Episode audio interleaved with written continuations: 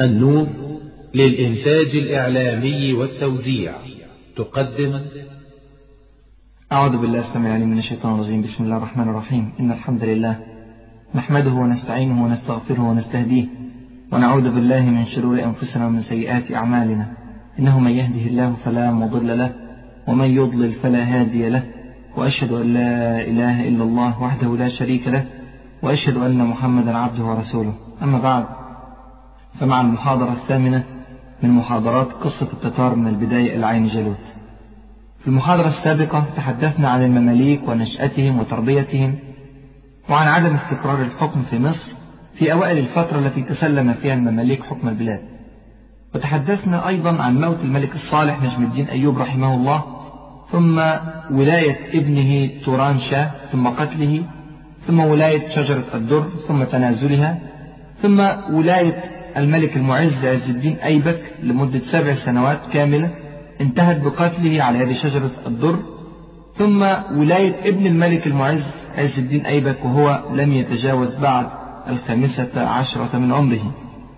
ثم ذكرنا أن الذي تولى الوصاية عليه هو أقوى الرجال في مصر في ذلك الوقت وهو قائد الجيش المصري سيف الدين قطز رحمه الله. من هو سيف الدين قطز؟ سيف الدين قطز إخواني وأخواتي هو واحد من أعظم الشخصيات في تاريخ المسلمين. اسمه الأصلي محمود ابن ممدود وهو من بيت مسلم ملكي أصيل. وسبحان الله كم هي صغيرة تلك الدنيا. قطز رحمه الله هو ابن أخت جلال الدين ابن محمد ابن خوارزم تخيلوا فاكرين جلال الدين وما ذكرناه عن صده للتتار في مرة أو مرتين ثم هزيمته ثم فراره إلى الهند وذكرنا تاريخه بعد ذلك في أرض فارس وكيف قتل الكثير من المسلمين إلى أن قتل على يد فلاح كردي. هذا الرجل هو خال قطز مباشرة قطز ابن أخته مباشرة. وكان محمود ابن ممدود أو قطز أحد أولئك الذين استرقهم التتار. فاكرين كنا قلنا أن التتار أمسكوا بعضا من أهل جلال الدين ابن خوارزم بعد فرار جلال الدين إلى الهند. كان قطز أحد هؤلاء. قتلوا بعضهم وأبقوا بعضهم ليباعوا في سوق الرقيق. وكان ممن بقي محمود ابن ممدود أو قطز. التتار هم الذين أطلقوا على قطز اسم قطز. قطز هذه كلمة بالتترية تعني الكلب الشرس. طبعا كان واضح أن على قطز علامات القوة والبأس من صغره فلذلك أطلق عليه التتار هذه الكلمة. ثم باعه التتار بعد ذلك في أسواق الرقيق في دمشق واشترى أحد الأيوبيين وجاء به إلى مصر ثم انتقل من سيد إلى غيره حتى وصل في النهاية إلى الملك المعز عز الدين أيبك ليصبح أكبر قواده كما رأينا. سبحان الله. لعلنا نلحظ بوضوح في قصة قطز التدبير العجيب لرب العالمين سبحانه وتعالى. التتار مكروا بالمسلمين واسترقوا أحد أطفالهم. وباعوه بأنفسهم في دمشق. سبحان الله. ليباع بعد ذلك من واحد إلى واحد إلى واحد ليصل إلى بلد لم يرها قبل ذلك ولعله لم يكن يسمع بها أصلا في هذه السن الصغيرة. ليصبح في النهاية ملكا على هذه البلد.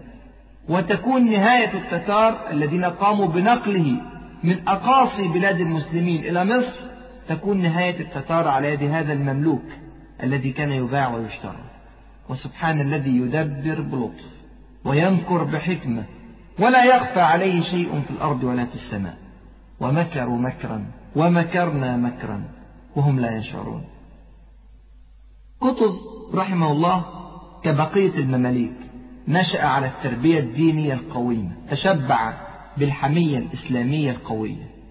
تدرب منذ صغره على فنون الفروسية وأساليب القتال وتدرب كذلك على أنواع الإدارة وطرق القيادة. نشأ رحمه الله شابا فتيا أبيا محبا للدين معظما له. وكان رحمه الله قويا صبورا جلدا. كل هذا بالإضافة إلى أنه ولد في بيت ملكي كما ذكرنا. فكانت طفولته طفولة الأمراء. وهذا أعطاه ثقة كبيرة في نفسه. هو لم يكن غريبا على أمور القيادة والإدارة والحكم.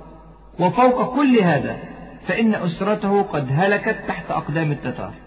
رأى بعينه أفعال التتار في بلاده يوم أن كان صغيرا.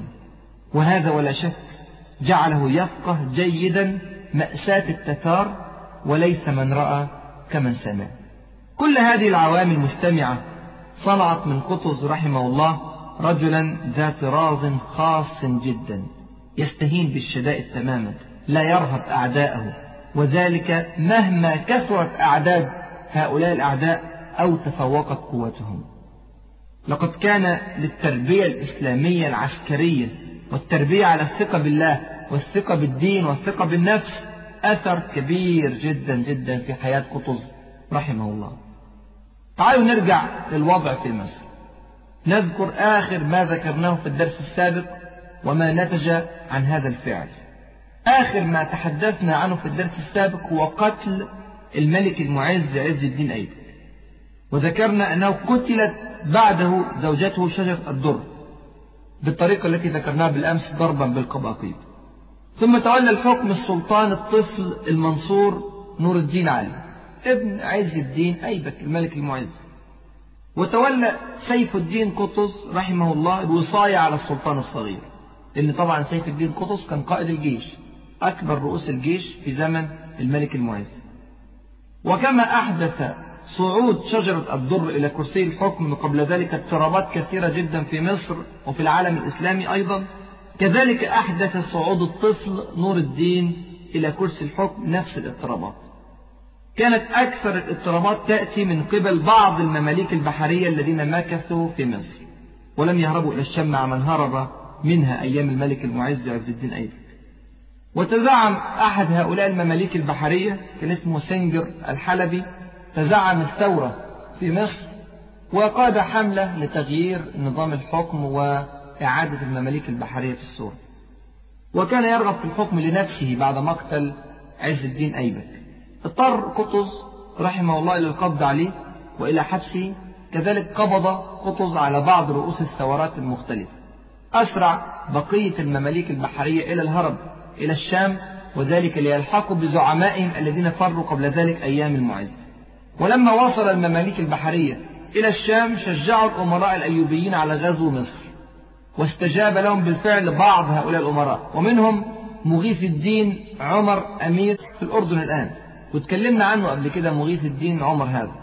وكان رجلا ضعيفا جدا جدا ومع ذلك كان صاحب أطماع أكبر كثيرا من حجمه. مغيث الدين عمر خد الجيش بتاعه وتقدم ناحية مصر ووصل بالفعل إلى مصر في ذي القعدة سنة 655 من الهجرة. وحاول فعلا غزو مصر لكن خرج له قطز رحمه الله وهزمه هزيمة منكرة. رجع مغيث الدين تراوده الأحلام لغزو مصر من جديد فرجع مرة ثانية في ربيع الآخر سنة 656 من الهجرة يعني بعد كم شهر من الهزيمة الأولى فهزم للمرة الثانية. خلي بالكم في حاجة خطيرة جدا. هذه المرة الأخيرة التي حاول فيها المغيث عمر الأيوبي أن يغزو مصر كانت كما أشرنا في ربيع الآخر سنة 656 من الهجرة. لو فاكرين بغداد سقطت قبل كده بشهرين بس. فسبحان الله بدلا من توجيه كل الطاقة إلى قضية التتار إذا به يتوجه لحرب المسلمين. فاكرين المرض اللي أشرنا إليه قبل كده في المحاضرات؟ مرض الحول السياسي أهو مغيث الدين هذا كان مسكين كان مصاب بهذا المرض الخطير الحول السياسي. المهم سقطت بغداد كما مر بنا في صفر سنة 656 من الهجرة. وبدأ هولاكو في الإعداد لغزو الشام وحاصر ابنه أشموط مئة فرقين كما تحدثنا قبل ذلك بداية من رجب سنة 656 من الهجرة. وبدأ هولاكو في التحرك من فارس إلى الشام مرورا بشمال العراق في سنة 657 هجرية واحتل نصيبين والرها وإلبيرة. كل دي مدن في جنوب تركيا كما ذكرنا قبل ذلك. واقترب من حلب. وأصبح واضحا أن هولاكو لن يهدأ حتى يسقط الشام بكامله. وبعد الشام لا بد أن تكون الخطوة التالية هي مصر. قطز رحمه الله. وإن كان يدير الأمور فعليا في مصر لكن الذي يجلس على الكرسي سلطان طفل. ولا شك أن هذا كان يضعف من هيبة الحكم في مصر. يزعزع من ثقة الناس بملكهم ويقوي كذلك من عزيمة الأعداء إذ يرون الحاكم طفلا. في ضوء الخطر التتري الرهيب والمشاكل الداخلية الطاحنة واضطرابات وثورات المماليك البحرية وأطماع الأمراء الأيوبيين الشاميين. في ضوء كل ذلك لم يجد قطز رحمه الله أي معنى لأن يبقى السلطان الطفل نور الدين علي على كرسي أهم دولة في المنطقة وهي مصر والتي لم يعد هناك أي أمل في صد التتار إلا فيها. هنا أخذ قطز رحمه الله القرار الجريء وهو عزل السلطان الطفل نور الدين علي وصعود قطز بنفسه على عرش مصر. لم يكن هذا القرار يا إخواني غريبا. قطز كان الحاكم الفعلي للبلاد.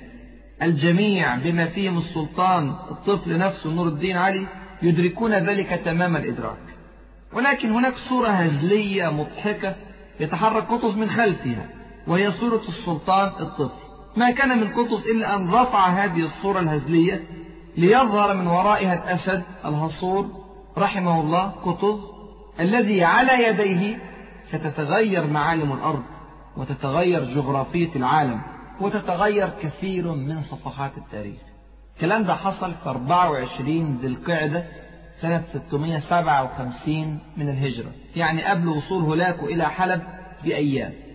ومنذ أن صعد قطز رحمه الله إلى كرسي الحكم وهو يعد العدة للقاء التتار. ستحدث يا إخواني وأخواتي أحداث جسام على أرض مصر. سينتهج نهج جديد على ذلك الزمن. سترفع رايات جديدة ما رفعت منذ أمد. هتتجهز جيوش سبحان الله ما جهزت منذ أزمان بعيد. سيكون اليوم الذي لا يشبهه من أيام الزمان إلا قليل. كيف سيحدث كل ذلك؟ تعالوا نتفرج ونشوف قطز رحمه الله عمل إيه. كيف استلم البلاد وكيف وصل بها إلى ما وصل إليه؟ رحمه الله. الوضع في مصر عندما بدأ التتار في اجتياح الشام والاقتراب من الديار المصرية كان متأزما جدا. قطز رحمه الله ما كانش مستلم دولة مستقرة كل شيء فيها ماشي سليم. بالعكس كل شيء كان ملخبط كل شيء كان مضطرب. المسرح السياسي الداخلي كان يموج بالاضطرابات العاصفة بالأزمات الشديدة. كانت الفتن الناتجة عن التصارع على الحكم وبالذات في العشر سنوات الأخيرة كانت عنيفة جدا جدا ومتكبرة نعم استقرت الأوضاع نسبيا. عندما تولى الملك المعز عز الدين أيبك سبع سنوات متصلة لكن عادت من جديد للاشتعال بمقتل الملك المعز ثم مقتل شجرة الدر ثم ولاية الطفل نور الدين علي ثم خلع الطفل بواسطة قطز رحمه الله وولاية قطز. يعني الأمور فعلا مضطربة جدا. وإن كان قطز الآن قد استقر على كرسي الحكم لكن لا شك أن هناك الكثير من الطامعين في الكرسي. ولا شك أيضا أن هناك الكثير من الحاقدين على قطز شخصيا. ومن المؤكد أن هؤلاء وهؤلاء هؤلاء الطامعين وهؤلاء الحاقدين سوف يتحركون أو على الأقل سيحاولون التحرك لإقصاء قطز عن العرش أو حتى قتل قطز كما اعتاد الكثير من المماليك أن يفعلوا. ولا ننسى إخواني وأخواتي أن الفتنة ما زالت دائرة بين المماليك البحرية الصالحية الذين كانوا يؤيدون شجرة الدر والمماليك المعزية الذين يؤيدون الآن سيف الدين قطز رحمه الله. وبرضه ما ننساش إن كتير جدا جدا من المماليك البحرية فروا إلى مختلف الإمارات الإسلامية في الشام. ومن بقي منهم في مصر بقي على وجل وترقب هذا الانقسام ولا شك أضعف القوة العسكرية المصرية لأن المماليك البحرية كانوا هم أساس الجيش المصري تقريبا. إذا كان الوضع السياسي والعسكري داخل البلاد على هذه الصورة الخطيرة فالمسرح السياسي الخارجي كذلك كان يحمل مشكلات في غاية الأهمية. العلاقات بين مصر وبين الدول اللي حواليها كانت ممزقة تماما بينها وبين كل الجيران بلا استثناء. العلاقات الدبلوماسية مع كل إمارات الشام كانت مقطوعة تماما ويا ريتها مقطوعة بس. ده روح العداء الشديد هي الروح السائدة بين الفريقين. كمان مصر ما كانش لها أي سند من الشمال الإفريقي أو من ليبيا أو من السودان. معنى هذا أن مصر كانت تعيش في عزلة مقيت ستسهل جدا جدا على الوحش التتري مهمة ابتلاع مصر كما فعل بأشياعها من قبل. يبقى ده كان المسرح السياسي الداخلي والمسرح السياسي الخارجي. مشاكل هنا ومشاكل هنا. ولم يكن الوضع الاقتصادي في مصر أحسن حالا من الوضع السياسي أو الاجتماعي. هناك أزمة اقتصادية طاحنة تمر بها البلاد. ليه؟ الحروب الصليبية المتكررة الحروب التي دارت بينها وبين جيرانها من الشام الفتن والصراعات على المستوى الداخلي. كل هذه الأمور أدت إلى أزمة اقتصادية طاحنة فعلا تمر بها مصر. كما أن الناس انشغلوا بأنفسهم وبالفتن الداخلية والخارجية فتردى الاقتصاد إلى أبعد درجات التردي. باتت البلاد فعلا على حافة هاوية سحيقة شبه مؤكدة. كل هذا وأعداء الأمة قد اجتمعوا عليها وبضراوة شديدة. هناك الغرب الصليبي الحاقد جدا جدا.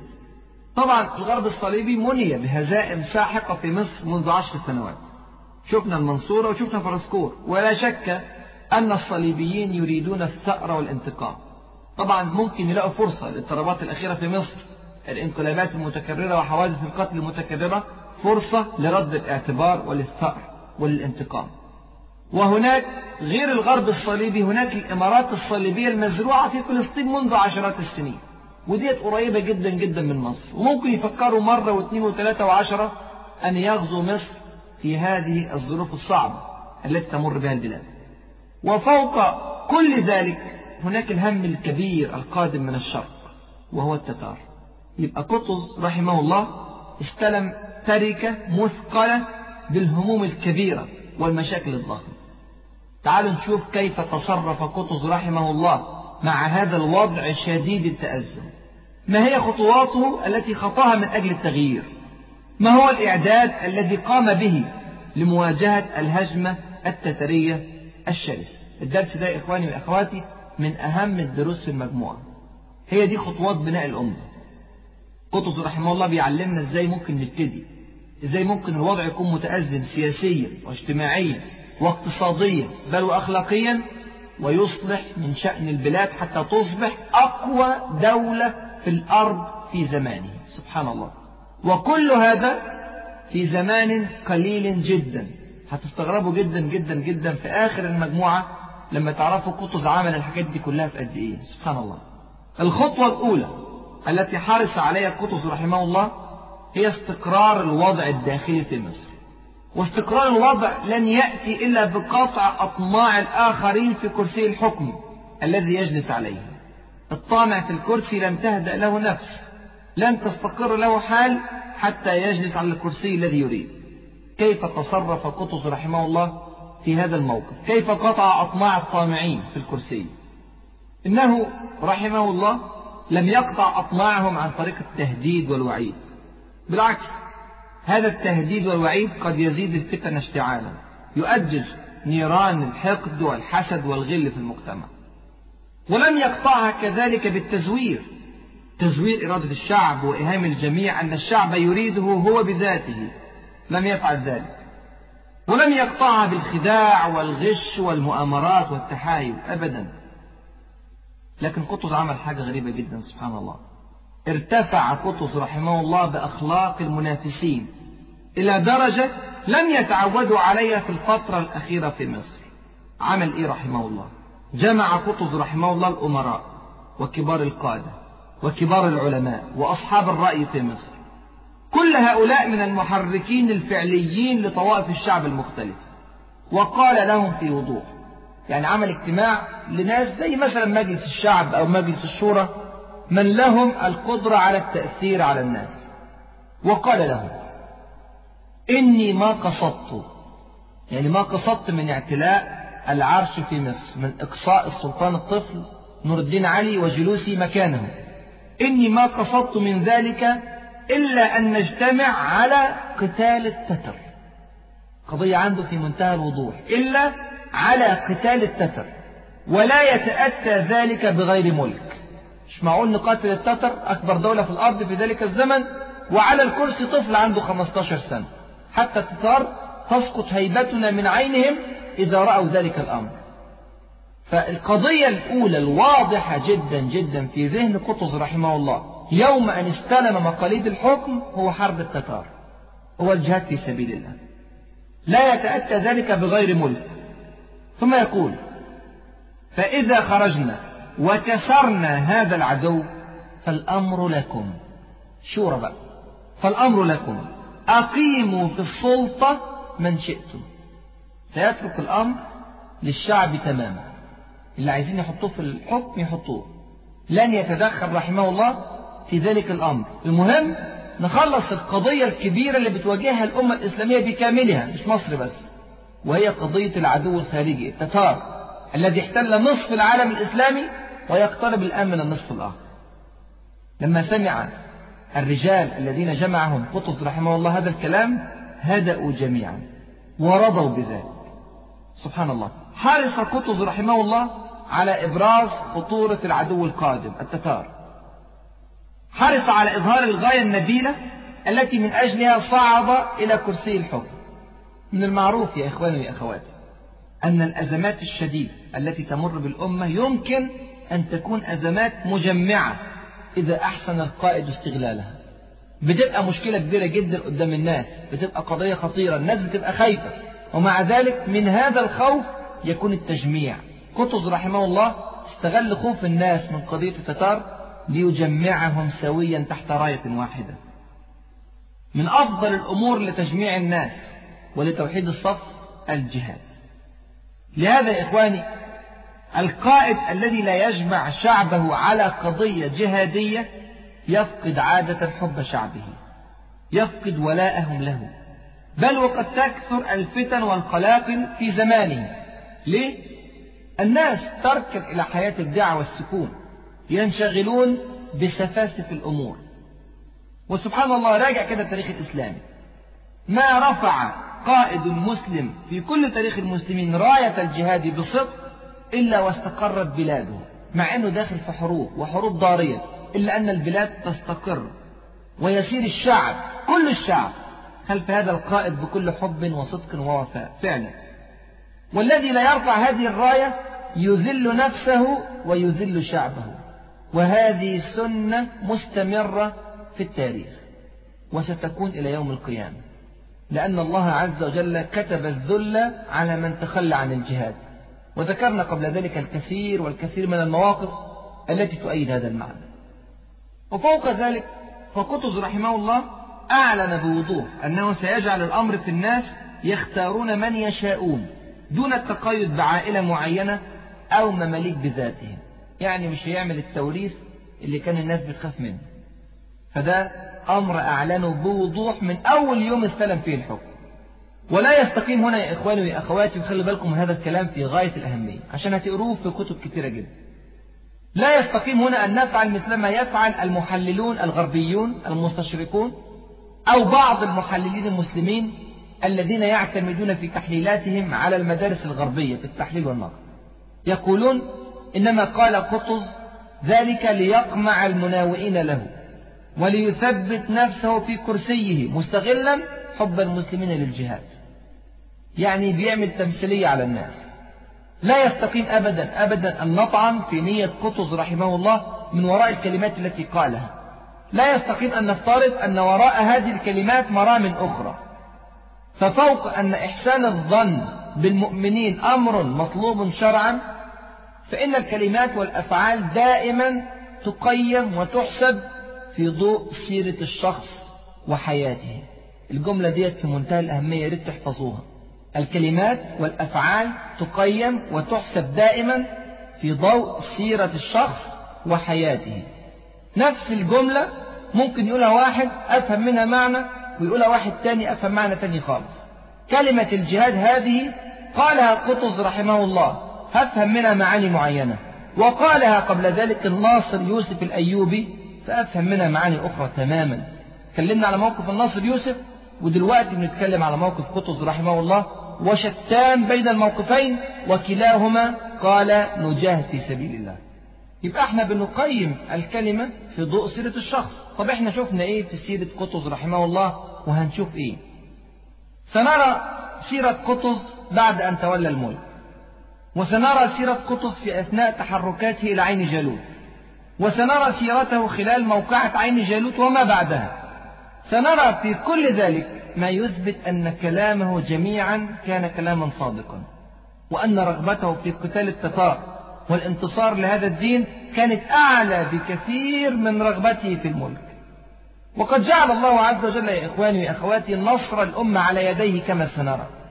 وليس من سنة الله عز وجل. وبرضه الكلام ده مهم جدا جدا واحفظوه. ليس من سنة الله عز وجل أن يكتب نصر الأمة على يد المنافقين والفاسدين. إن الله لا يصلح عمل المفسدين. ليس من الطبيعي أبدا أن يخلد تاريخ المسلمين رجلا اختلطت في قلبه النوايا لعبت به الأهواء. لذلك فقطز رحمه الله نحسبه على خير ولا نزكي على الله أحدا.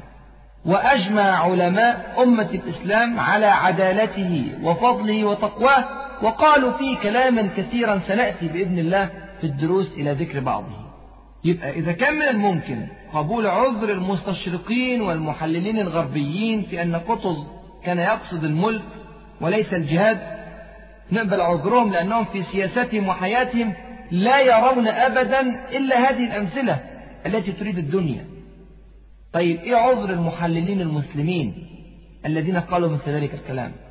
ما لهمش الحقيقة عذر ليه؟ لأن هذا المثال المخلص الذي لا يريد شيئا لنفسه ولا لذاته ويهب حياته بكاملها لربه ولدينه ولشعبه ولقضايا أمته هذا المثال الراقي كثير جدا في أمتنا متكرر جدا في تاريخنا. سبق قطز رحمه الله على هذا الطريق الكثير والكثير من أبطالنا. ولحق به كذلك آخرون. وسيظل الخير بإذن الله في أمة رسول الله صلى الله عليه وسلم إلى يوم القيامة. طيب مع أن قطز رحمه الله قد استخدم الأخلاق العالية والأهداف النبيلة في تجميع القواد والعلماء حوله إلا أنه لم يتخلى عن حزمه في الإدارة. يعني قطز رحمه الله ما كانش راجل طيب يقول هذه الكلمات وليس عنده فنون الإدارة والسياسة والقيادة أبدا. كان حازما جدا رحمه الله. عزل الوزير ابن بنت الأعز المعروف بولائه الشديد لشجرة الدر وولى بدلا منه وزيرا آخر. كان يدين له بالولاء وكان يثق في قدراته وإمكانياته. الوزير الجديد كان اسمه زين الدين يعقوب ابن عبد الرفيع. وفي ذات الوقت وخلي بالك من الجملة ديت في غاية الأهمية في ذات الوقت أقر قائد الجيش في مكانه. مين قائد الجيش؟ قائد الجيش كان اسمه فارس الدين أقطاي الصغير الصالح. طبعا مش هو فارس الدين أقطاي اللي اتكلمنا عليه قبل كده فارس الدين أقطاي الأول قتل من ست سنوات سنة 652 من الهجرة. علشان كده هذا القائد الجديد اسمه فارس الدين أقطاي الصغير عشان الأول كان الكبير. لكن خلي بالك هو اسمه إيه؟ اسمه الصالحي. ياه! يعني هذا من المماليك البحرية الصالحية. ومع ذلك ولا قطز رحمه الله اللي هو قائد المماليك المعزية. يعني بيولي قائد من قوات المماليك البحرية مع شدة الخلاف بين الطائفتين. لكن سبحان الله وجد فيه كفاءة عسكرية وقدرة قيادية وأمانة وصدق وهي مؤهلات ضرورية لأي إمارة. فولاه بذلك يا إخواني نجد أن قطز رحمه الله قد حفظ الأمان وسد الأمر لأهله.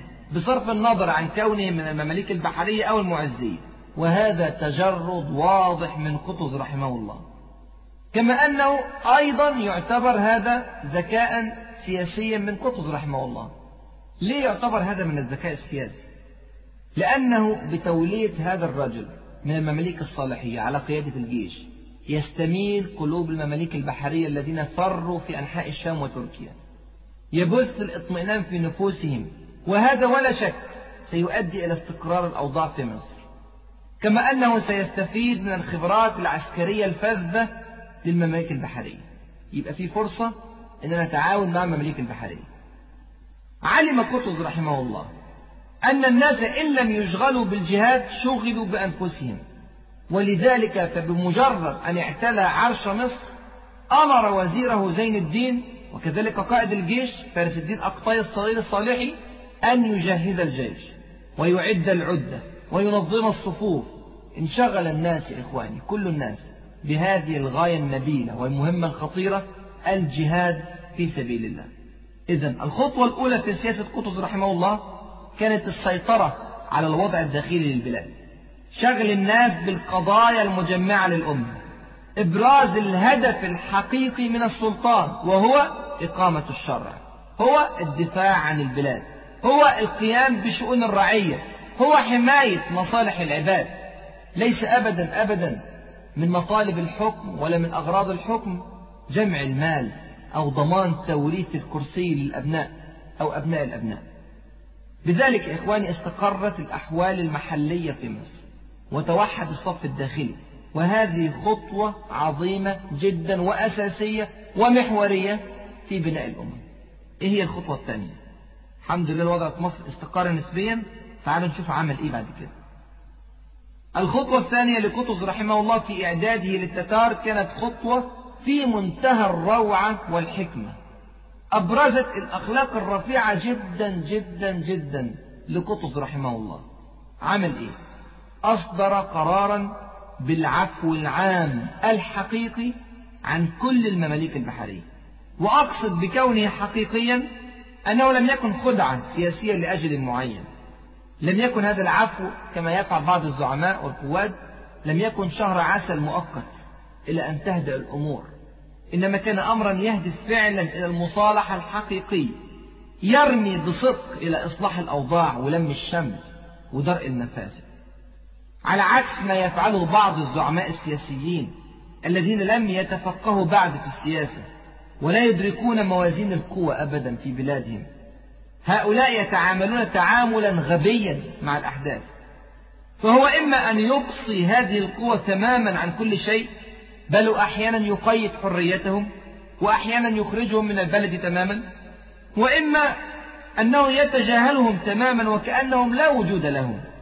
يضع رأسه في الرمال لا يعترف بوجودهم ينكر طاقاتهم يهمل كيانهم هكذا. وكل هذا ولا شك لا يصب أبدا في مصلحة البلد أو مصلحة الشعب.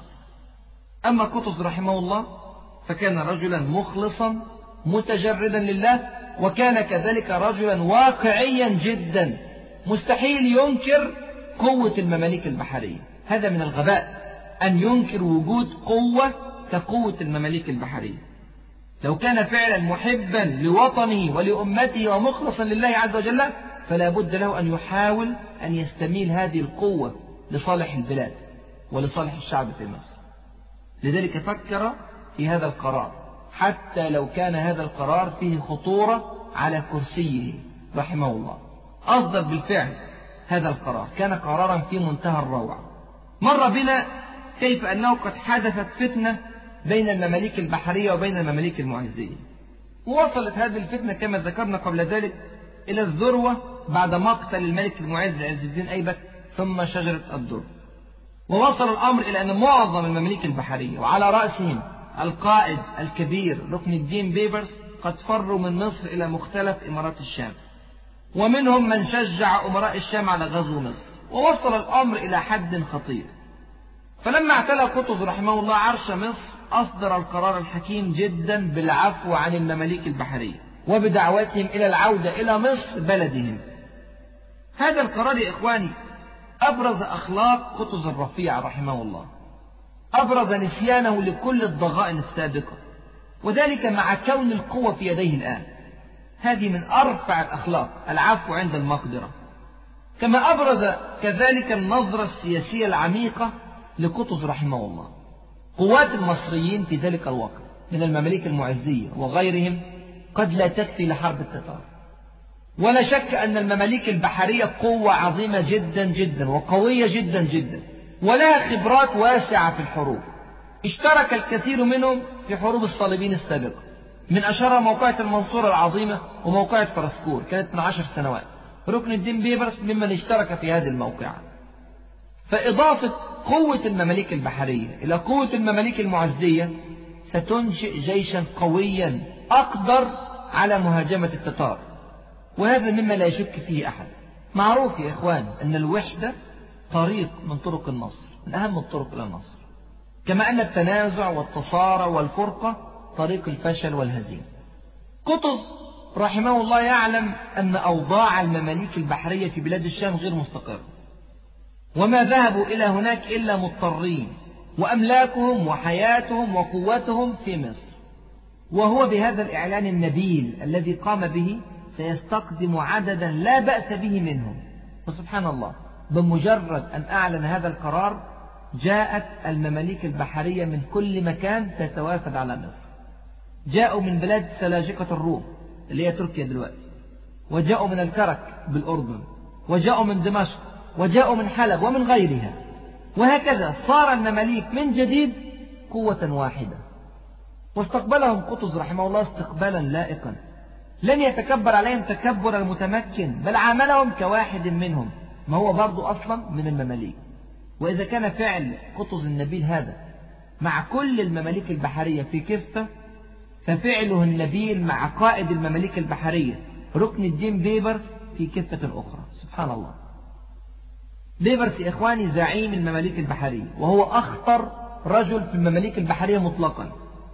ولو كان قطز في داخله غدر أو خيانة أو مصالح سياسية متجردة من الأخلاق ما استقدم بيبرس إلى مصر أبدا. بيبرس قبل كده فر من مصر وذهب إلى الناصر يوسف الأيوبي في دمشق. ناصر يوسف طبعا اللي اتكلمنا عليه قبل كده هذا الرجل الخائن الذي كان مواليا للتتار في فترات كثيرة وادعى الجهاد ضدهم في فترات أخرى. بيبرس لما راح للناصر يوسف أنكر عليه خضوعه أمام التتار وعزمه على عدم القتال. لكن الناصر يوسف ما سمعش كلامه. وعندما قدم التتار في اتجاه دمشق فر الناصر يوسف ومن معه إلى الجنوب واضطر بيبرس وقد وجد نفسه منفردا وكان نفسه يجاهد في سبيل الله اضطر أن يهرب هو الآخر إلى الجنوب في اتجاه فلسطين. ولما وصل الجيش بتاع الناصر يوسف إلى فلسطين الناصر يوسف نفسه ساب الجيش وهرب إلى الكرك ثم إلى الصحراء. ووجد بيبرس نفسه وحيدا في غزة ومش عارف يعمل إيه. نفسه يجاهد في سبيل الله وهو بطوله كده في غزة والمماليك البحرية مفرقة في مشارق الأرض ومغاربها. وقطز رأس المماليك المعزية على حكم مصر مش عارف يعمل إيه. وهو في هذا الموقف العصيب وقد ضاقت عليه الأرض بما رحبت وهو الذي كان قائدا للمماليك البحرية بكاملهم. خلي بالك هذا القائد كان بمثابة وزير الحربية في زماننا الآن. يعني كان وضعه كبير جدا جدا. لقى نفسه فجأة هربان في البلاد مشتت مفرق معهوش حد. هذا شيء صعب جدا جدا على النفس في هذا الموقف العصيب وهو مشتت بين قوات التتار القادمة من الشمال والملك الناصر الذي فر إلى الصحراء ومصر التي هرب منها في هذا الموقف الصعب يأتيه خطاب قطز رحمه الله يعرض عليه القدوم إلى مصر معززا مكرما مرفوع الرأس محفوظ المكانة مقدما على غيره. سبحان الله. أية أخلاق عالية من قطز رحمه الله. أي فقه سياسي بارع ما شاء الله. قطز رحمه الله كان يدرك أمورا كثيرة هامة كان يدرك أولا الكفاءة القتالية العالية جدا جدا والمهارة القيادية رفيعة المستوى لركن الدين بيبرس رحمه الله. كان يدرك الحمية الإسلامية الراقية لهذا القائد الفذ ركن الدين بيبرس رحمه الله. وكان يدرك كذلك الذكاء الحاد الذي يتميز به بيبرس والذي سيحاول قطز رحمه الله أن يوظفه لصالح معركة التتار بدلا من أن يوظف في معارك داخلية ضد المماليك المعزية. وكان يدرك كذلك ولاء المماليك البحرية لركن الدين بيبرس. كان يدرك أنه إن ظل هذا الرجل هاربا فلا يأمن أحد أبدا أن ينقلب عليه المماليك البحرية في أي وقت ويستقدم ركن الدين بيبرس ليحكم البلاد. لذلك فمن الأحكم سياسيا أن يستقطب بيبرس لصفه أن يعظم قدره أن يستغل قدراته وإمكانياته وبذلك يضمن استقرار النفوس. يضمن تجميع الطاقات لحرب التتار بدلا من الدخول في معارك جانبية لا معنى لها. لذلك لما قدم بيبرس إلى مصر بعد استقدام قطز له عظم قطز جدا من شأنه وأنزله دار الوزارة وعرف له قدره وقيمته وعمله كوزير بل وأقطعه قليوب وما حولها من القرى. ودي إقطاعية طبعا كبيرة جدا. وعمله كأمير من الأمراء المقدمين. بل وسيجعله كما سنرى على مقدمة الجيوش الإسلامية في عين جالوت. وهكذا نتعلم يا إخواني من قطز رحمه الله العفو عند المقدرة. نتعلم إنزال الناس منازلهم. نتعلم الفقه السياسي الحكيم. نتعلم الحرص على الوحدة. ونتعلم منه شيئا في غاية الأهمية في الأصول الإسلامية. وهو أنه ليس معنى أن يكون الإنسان سياسيا حكيما بارعا أن يتنازل عن أخلاقه. ليست السياسة في الإسلام نفاقا. ليست السياسة في الإسلام ظلما. وليست السياسة في الإسلام كبرا. وليست السياسة في الإسلام فقدانا للضمير أو خلفا للعهد أو نقدا للمواثيق أبدا. السياسة في الإسلام يا إخواني جزء لا يتجزأ من الدين. لا يمكن بأي حال من الأحوال أن يفصل بين السياسة وبين الدين. لا يمكن أن تستخدم في السياسة معايير تختلف مع أصول الإسلام. دي من أهم الحاجات اللي تعلمناها من قطز رحمه الله في هذا الموقف. وبرضه تعلمنا منه حاجة مهمة قوي قوي في الموقف ده. اتعلمنا منه أن القائد الذي يثق في نفسه لا يمانع من ظهور طاقات بارزة إلى جواره. وذلك على عكس ما يفعل كثير من الزعماء الضعفاء الذين لا يسمحون أبدا لأي كفاءة أن تبدع إلى جوارهم. ليه؟ يريدون أن لا يصبح لهذه الكفاءة رصيد من الحب والإحترام عند الشعب فتقوى مكانتهم ويرتفع قدرهم ومن ثم قد ينازعون الزعيم سلطانه وما كل هذه المخاوف في قلوب هؤلاء الزعماء إلا لإحساسهم بضعفهم إحساسهم بصغرهم وافتقادهم للرصيد الحقيقي من الحب عند شعوبهم. لكن قطز رحمه الله لم يكن من هذه الزعامات الفارغة. إنما كان زعيما قويا ذكيا مخلصا واعيا محبا لدينه ووطنه وأمته. كان يدرك من نفسه هذه الأمور وكذلك كان الشعب يدرك عنه هذه الأمور. ومن ثم لم يكن هناك أي داعي للتردد أو الخوف. وهكذا بهذا القرار انضمت قوة المماليك البحرية وعلى رأسها القائد المحنك ركن الدين بيبرس إلى قوة الجيش المصري المسلم. ولا شك أن هذا رفع جدا من معنويات المصريين بصفة عامة. كانت يا إخواني وأخواتي خطوة العفو عن المماليك البحرية من أعظم الخطوات في حياة قطز رحمه الله. وحقا والله كانت كل خطواتها عظيمة رحمه الله. إذا كانت الخطوة الأولى لقطز هي الاهتمام بالاستقرار الداخلي للبلاد واتكلمنا عليها. وكانت الخطوة الثانية هي استخدام الفارين من المماليك البحرية والاستفادة من طاقتهم وإمكانياتهم قدر المستطاع وتكلمنا عن ذلك أيضا. يا ترى إيه هي الخطوة الثالثة؟ الخطوة الثالثة يا إخواني وأخواتي كانت أيضا خطوة رائعة بل في غاية الروعة. وخلي بالكم بعد الاستقرار الداخلي في مصر حرص قطز رحمه الله على الاستقرار الخارجي. مع من؟ مع جيران مصر من المسلمين. العلاقات كما فصلنا قبل ذلك كانت متوترة جدا جدا مع الإمارات الشامية الأيوبية. وفكروا أكثر من مرة في غزو مصر. ونقضوا الحلف الذي كان بين مصر والشام أيام الصالح نجم الدين أيوب رحمه الله. واستقطبوا المماليك البحرية عندهم عندما فروا من مصر. وهم يتربصون بمصر الدوائر في كل يوم. بل إن الناصر يوسف الأيوبي أمير دمشق وحلب كان قد طلب من التتار كما ذكرنا قبل ذلك بعد سقوط بغداد طلب منهم أن يعاونوه في غزو مصر. مع كل هذه الخلفيات المعقدة للعلاقة بين مصر والإمارات الأيوبية في الشام إلا أن قطز رحمه الله سعى لإذابة الخلافات التي بينه وبين أمراء الشام. كان يسعى بصدق إلى الوحدة بين مصر والشام أو على الأقل تحييد أمراء الشام. مفيش داعي يكون في حرب طويلة بينه وبين أمراء الشام ثم بعد ذلك يحارب التتار. فقرر قطز رحمه الله أن يسعى للوحدة بين مصر والشام. وجد قطز رحمه الله أن رأس هؤلاء والمقدم عليهم هو الناصر يوسف الأيوبي صاحب إمارتي حلب ودمشق. ده أكبر واحد فيهم ويحكم أعظم مدينتين في الشام حلب ودمشق. وكان قطز يعلم تمام العلم كراهية الناصر يوسف له. عارف أنه بيكرهه تماما وفكر يحاربه أكثر من مرة. ويعلم بأنه طلب من التتار شخصيا أن يساعدوه في حرب مصر. ومع كل هذا فقد أرسل له قطز رحمه الله رسالة تفيض رقة وعذوبة سبحان الله. وكأنه يخاطب أقرب المقربين إليه. كانت هذه الرسالة قبل قدوم التتار إلى حلب. يعني كان في فرصة أن يتعاون الناصر يوسف الأيوبي مع قطز ضد التتار. وبالذات أن الناصر يوسف كان قد أعلن الجهاد الزائف هذا أمام التتار وعسكر عند دمشق زي ما إحنا اتكلمنا قبل كده. فأراد قطز رحمه الله أن يوحد بينه وبين الناصر يوسف على ما به من عيوب وخطايا. طيب قطز يعلم أن أعظم أهداف الناصر في حياته هو البقاء في كرسي الحكم. لن يضحي به مهما كانت الظروف. لذلك فإن قطز رحمه الله أرسل إلى الناصر رسالة عجيبة تماما.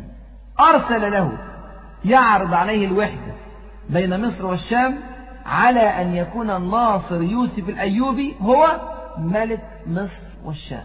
يا الله. سبحان الله. عرض عليه أن يكون هو أي قطز تابعا للناصر يوسف. مع أن موقف قطز العسكري والسياسي أفضل بكثير من موقف الناصر يوسف. ومع أن مصر كدولة أقوى بكثير من مدينتي حلب ودمشق. لكن قال له في رسالته إنه لا ينازع الملك الناصر في الملك ولا يقاومه وأنه أي قطز نائب عن الناصر في ديار مصر. وأن الناصر متى جاء إلى مصر؟ أقعده قطز فورا على كرسي الحكم فيها على أن تتوحد مصر والشام. سبحان الله. هذه يا إخواني وأخواتي أمور لا يتخيلها إنسان بموازين السياسة المادية. لا يمكن أن تفهم هذه الأمور إلا إذا أدخلت البعد الإيماني الأخلاقي وليس السياسي فقط عند قطز رحمه الله. ثم إن قطز رحمه الله يعلم أن الناصر يوسف قد يتشكك في أمر الوحدة الكاملة بين الدولتين أو يخاف أصلا من القدوم إلى مصر. فعرض على الناصر يوسف أن يقوم قطز رحمه الله بإمداده بالمساعدة لحرب التتار فتتحقق المصلحة المشتركة في هزيمة التتار وإن لم تتحقق الوحدة الكاملة بين مصر والشام. يعني قال له لو عايز نتوحد نتوحد. لو عايز نساعدك في حرب التتار دون توحد برضه ممكن أساعدك. والهدف في النهاية واحد هزيمة التتار. قال له في رسالته قال له في أدب جم وفي خلق رفيع وإن اخترتني خدمتك يا الله. وإن اخترتني مساعدا لك خدمتك. وإن اخترت ولو عايز يعني خلي بالك من الكلمات. وإن اخترت قدمت ومن معي. من العسكر نجدة لك على القادم عليك. نساعدك في حرب القادم عليك التتار يعني. فإن كنت وخلي بالك من الكلمات بيديله آخر فرصة. يقول له إيه؟ وإن كنت لا تأمن حضوري خايف مني أجي بالجيش بتاعي أحتل بلادك. وإن كنت لا تأمن حضوري سيرت لك العساكر صحبة من تختاره. بيدي للناصر يوسف صلاحيات اختيار قائد الجيش المصري. اللي رايح عشان يساعده في حربه ضد التتار. عشان يساعد الناصر يوسف في حربه ضد التتار. يقول له اختار القائد اللي انت عايزه القائد اللي تطمئن إليه. عايز ركن الدين بيبرس عايز سين عايز صاد عايز عين من الزعماء أي واحد زي ما انت عايز. اختار وأنا أبعت لك الجنود. في إمرة من تختار ليساعدوك في حرب التتار. بس نتوحد نحارب التتار مع بعض. لكن الناصر يوسف ما كانش يفهم الكلام ده ابدا. لم يستجب لهذه النداءات النبيلة من قطز آثر التفرق على الوحدة. ليه؟ لأنه ما كانش ناوي يحارب عمره. هو ما كانش محتاج للأعداد عشان يحارب. الشام ما شاء الله أعداده كبيرة. وجيش مصر هو تحت إمرته. هو كان مفكر إن لو التتار وصلوا لدمشق هيهرب. زي ما عمل بالفعل. فقضية الجهاد كانت ممحية تماما من ذهنه. هذا الرجل الخائن. الناصر يوسف الأيوبي عليه من الله ما يستحقه. وسبحان الله مرت الأيام وسقطت حلب وهددت دمشق وفر الناصر فراره المغزي إلى فلسطين. وعند فلسطين سبحان الله حدث الذي كان لابد أن يحدث منذ زمن سبحان الله. لما فر الناصر بجيشه إلى فلسطين جيش الناصر خرج عن طوعه. سبحان الله. آثر الانضمام إلى جيش مصر حيث القائد المحنك المسلم المخلص قطز رحمه الله وحيث القضية الواضحة والهدف الثابت وحيث الجهاد يا إخواني وأخواتي في سبيل الله. وليس في سبيل الكرسي. الجيش بتاع الناصر ساب والناصر لقى نفسه لوحده فاضطر إلى الفرار إلى الكرك ثم إلى الصحراء. وهنشوف بعد كده نهايته شكلها إيه. المهم ازداد قطز رحمه الله قوة بانضمام جيش الناصر الشامي له. لأن جيش الناصر لما الناصر فر إلى الصحراء ذهب هذا الجيش بكامله إلى مصر لينضم إلى قطز رحمه الله. أي قوة أضيفت إلى جيش المسلمين؟ سبحان الله. الوحدة يا إخوان. ولم يكتف قطز رحمه الله بهذه الجهود الدبلوماسية مع الناصر. لا راسل بقية أمراء الشام. استجاب له الأمير المنصور صاحب حماة. حماة كانت إمارة مستقلة. على رأسها رجل اسمه المنصور. جاء إلى مصر بفرقة من جيشه لينضم إلى جيش مصر الذي سيقاتل بعد ذلك التتار وسبحان الله قطز رحمه الله أرسل أيضا رسالة إلى المغيث عمر صاحب الكرك بالأردن. وده أمر غريب جدا جدا. لا ننسى أن المغيث عمر هذا فكر في غزو مصر مرتين. مرة قبل سقوط بغداد ومرة بعد سقوط بغداد. ومع ذلك قطز رحمه الله يتناسى تماما هذه المحاولات ويتناسى هذه الخلفية الكئيبة للفرقة بين المسلمين ويحاول من جديد أن يضم قوة المغيث عمر للمسلمين. سبحان الله. لكن المغيث عمر صاحب الكرك آثر أن يقف على الحياد هو كان من الذين عاونوا الناصر في حركة الجهاد المزعومة التي قام بها الناصر قبل ذلك. ولما فر الناصر عاد المغيث عمر إلى حصن الكرك ودخل جواه. وليس من أهل الجهاد. ما يريد حربا للتتار حقيقية ولكن يريد الحفاظ على كرسيه. وهو يكن كراهية كبيرة جدا للمماليك. وتكلمنا على حرب مرتين مع مصر. لذلك آثر المغيث عمر أن يظل مراقبا للأحداث. عشان إيه؟ عشان يلتحق بالمعسكر الفائز. والله التتار كسبوا يذهب إليهم ويعتذر وينضم إليهم. المسلمين كسبوا أو ينضم إلى المسلمين ويقول أنا كنت معاكم بقلبي بس الظروف كانت صعبة. المهم الأشرف الأيوبي صاحب حمص رفض الاستجابة تماما لقطز. وفضل التعاون مع التتار. وكذلك فعل الملك السعيد حسن ابن عبد العزيز. هو لقبه كده السعيد حسن ابن عبد العزيز صاحب بنياس برضه انضم إلى التتار بجيشه ولا حول ولا قوة إلا بالله. تعالوا كده نرتب الأوراق تاني مع قطز رحمه الله. نشوف لحد دلوقتي وصل لإيه. أولا الوضع الداخلي مستقر. والحكومة الجديدة في مصر تدين بالولاء التام لقطز رحمه الله. ثانيا المهمة الأولى للدولة في تلك الأونة واضحة ومعلنة وهي إعداد جيش قوي لمقابلة التتار في معركة فاصلة. ده اللي بنسميه وضوح الهدف. البلد عارفة هي عايزة إيه. الحاجة الثالثة العفو عن المماليك البحرية أشاع جوا من الهدوء النفسي والراحة القلبية مش بس عند المماليك ولكن عند عموم شعب مصر. من المؤكد يا إخواني أن جو المشاحنات يترك آثارا سلبية ليس على القادة والجيش فقط وإنما على الشعب كله. ولا شك أيضا أن الجيش المصري قد ازداد قوة باتحاد طرفيه الكبار المماليك البحرية الصالحية والمماليك المعزية. رابعا انضم إلى جيش مصر الكثير من الجنود الشاميين. انضم معظم جيش الناصر يوسف صاحب دمشق وحلب وانضم كذلك جيش حماة وعلى رأسه المنصور أمير حماه يبقى ده كان الوضع السياسي والعسكري لمصر في أوائل سنة 658 من الهجرة. وفي ذلك الوقت سقطت حلب ودمشق وكل فلسطين حتى غزة. كل البلاد ديت دخلت تحت حكم التتار وأصبح التتار قريبين جدا جدا من مصر. 35 كيلومتر بس من سينا. طيب تعالوا نقف وقفة في غاية الأهمية دلوقتي.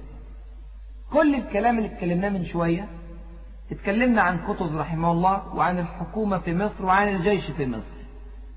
أمال إيه أخبار الشعب في مصر؟ كيف كانت حالة الشعب ومعنويات الشعب وتربويات الشعب وأهداف الشعب؟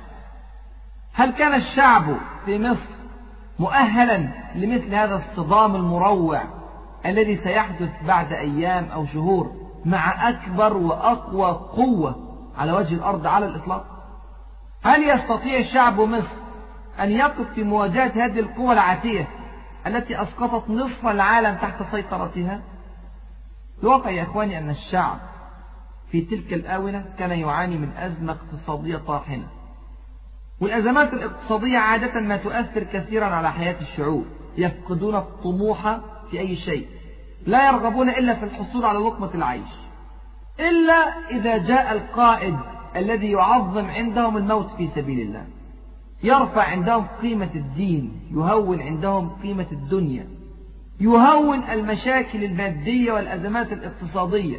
كل ذلك يضمحل إلى جانب الهدف الأعلى الجهاد في سبيل الله. وعندها يصبح الموت أمنية. لكن الوضع اللي استلم فيه كتب الشعب كان وضعا صعبا للغاية. فعلا.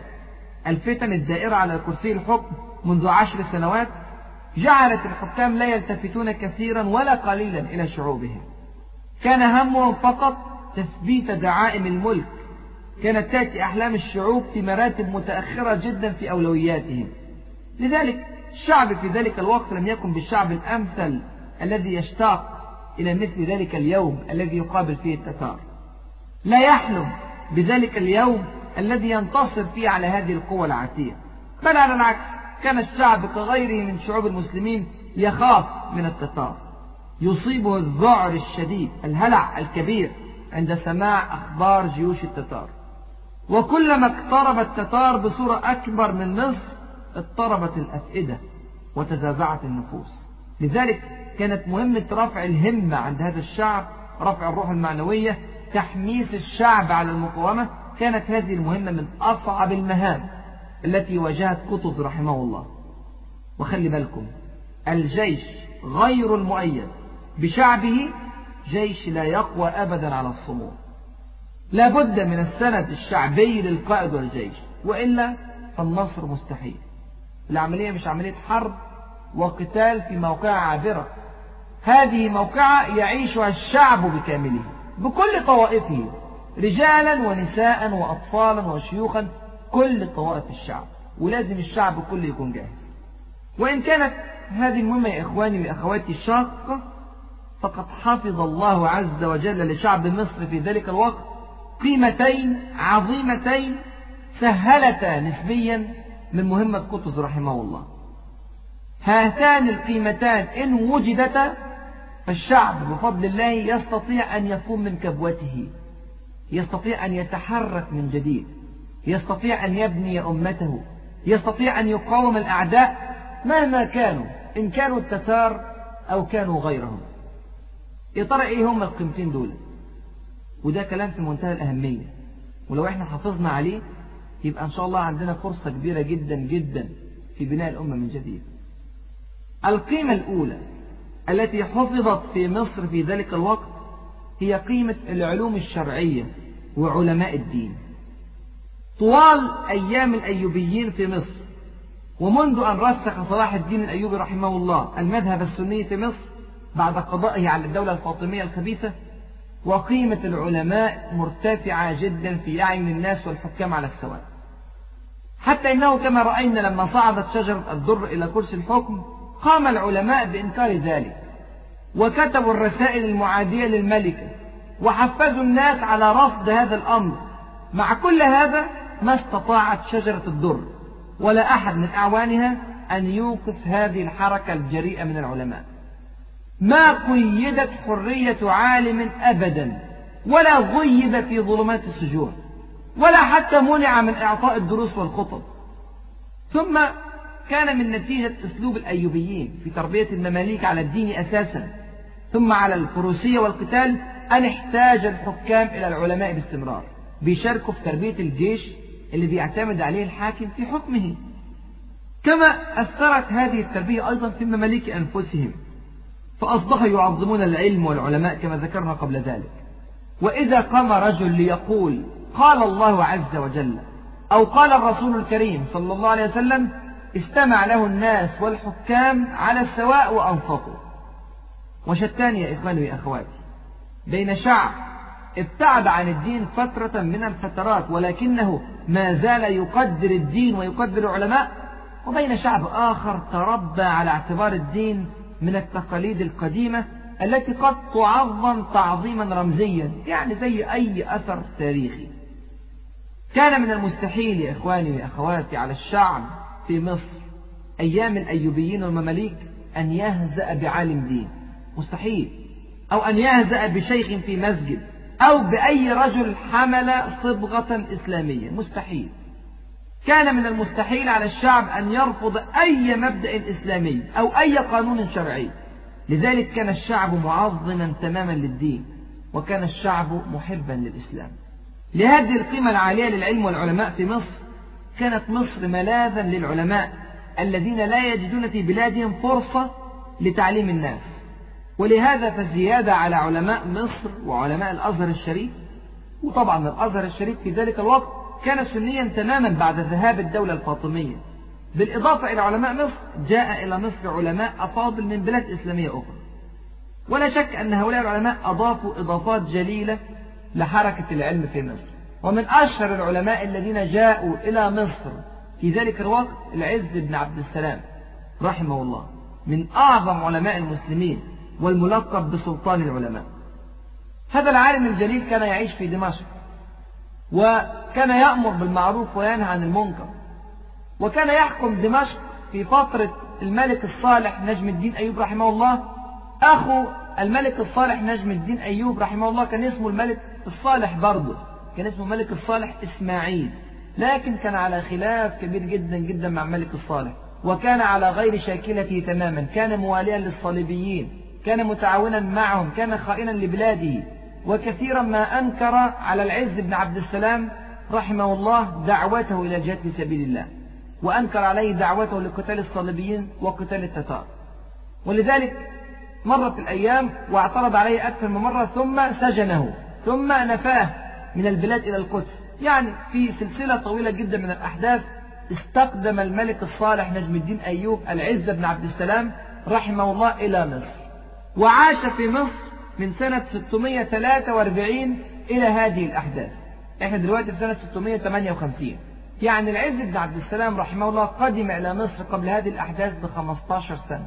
و15 سنة ما شاء الله لا قوة إلا بالله من التعليم لشعب مصر والتربية على كل الأمور الفضلى التي كان يقوم بها رحمه الله في حياته قبل ذلك في دمشق وكان يمنع منها.